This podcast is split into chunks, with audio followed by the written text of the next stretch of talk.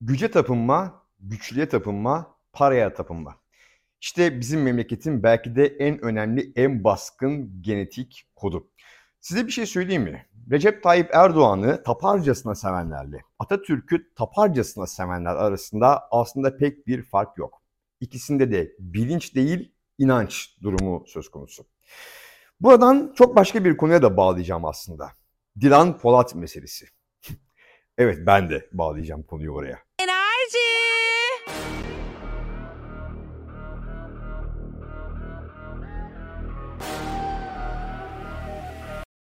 Çok güçlü atan bir damar var Türkiye'deki yeni kuşakta. Kısa yoldan, kolay yoldan büyük servetler, büyük paralar kazanma merakı, isteği. Şimdi aslında burada e, bir sıkıntı yok. Yani çok fazla çalışmadan e, büyük paralar, büyük servetler elde edilmesinde aslında ben bir sıkıntı görmüyorum. Keşke biz de bunu yapabilsek. Ama farklı bir durum söz konusu.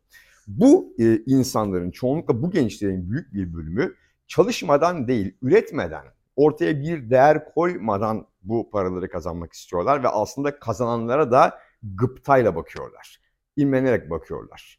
Daha az çalışarak daha büyük paralar kazanılabilir. Bu sizin yeteneğinizle alakalı, ortaya koyabileceğiniz şeylerin miktarıyla, donanımınızla, birikiminizle pek çok şeyle ilgili olabilir. Daha az çalışarak da nispeten daha çok paralar kazanabilirsiniz.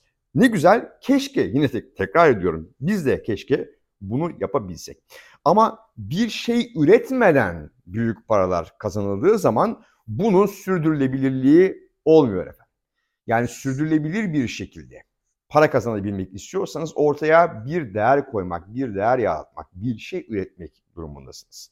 Eğer ortada ürettiğiniz bir şey yoksa geçici bir süre o zevki, sefayı yaşayabiliyorsunuz. Ancak sonra bir şekilde öyle ya da böyle bunlar ortadan kayboluyor, uçup gidiyor. Çünkü bir karşılığı yok. Bir şey üretmiş değilsiniz, bir değer yaratabilmiş değilsiniz.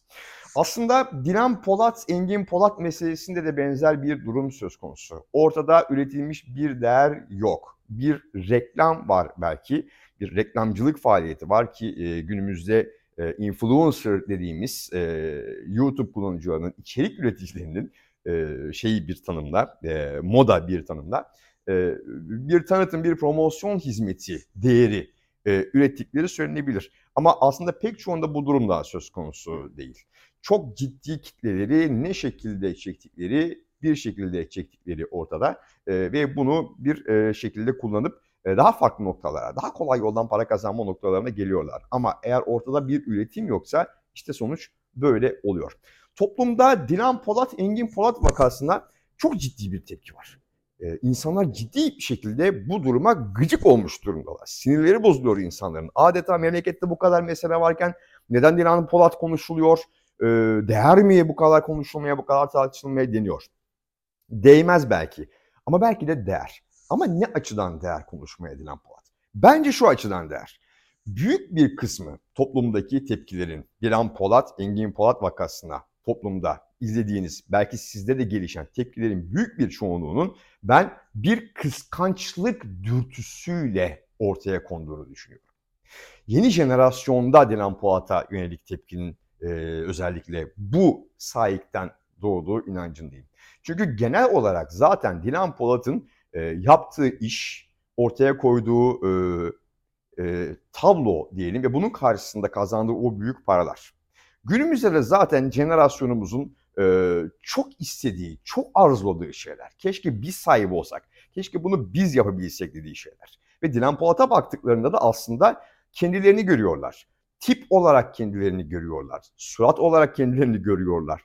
Tavır olarak belki kendilerini görüyorlar. İçlerindeki tavrı görüyorlar konuşma olarak, üslup olarak kendilerini görüyorlar ve kendileri olsa o durumda ne yapacaklardı?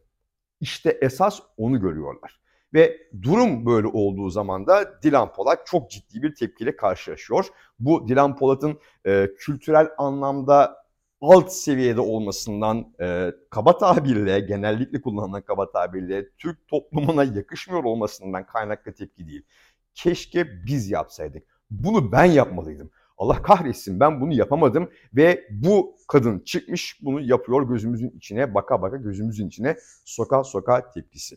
Bir- Bu aslında en başta söylediğim konuyla alakalı. Bizde güce, güçlüye, paraya tapınma söz konusudur. Recep Tayyip Erdoğan'ı taparcasına sevmekle, Mustafa Kemal Atatürk'ü taparcasına sevmekle, Fatih Terim'e örneğin büyük bir hayranlık beslemek arasında temelde hiçbir fark yok. Çünkü kendisi orada olsa öyle yapacaktı. Kendisi orada değil. Yapabilen kişiye imleniyor, ona tapıyor ve bazen de sinir oluyor, gıcık oluyor. Durum bundan ibaret efendim. Aslında biraz daha e, yeni jen- jenerasyonla da alakalı bu durum en başta söylediğimiz gibi. Ve Türkiye'ye özgü de değil belki. Ama bizim gibi daha oryantal kültürden gelmiş ülkelerde bu çok daha baskın olabiliyor. Aslında söyleyeceğimin özeti şu. Dilan Polat'a kızın, Dilan Polat'a gıcık olun ama ona neden kızdığınızla ilgili, neden gıcık olduğunuzla ilgili aynaya bakın ve biraz kendinizi sorgulayın. Kendinizi biraz analiz etmeye çalışın. Hoşçakalın.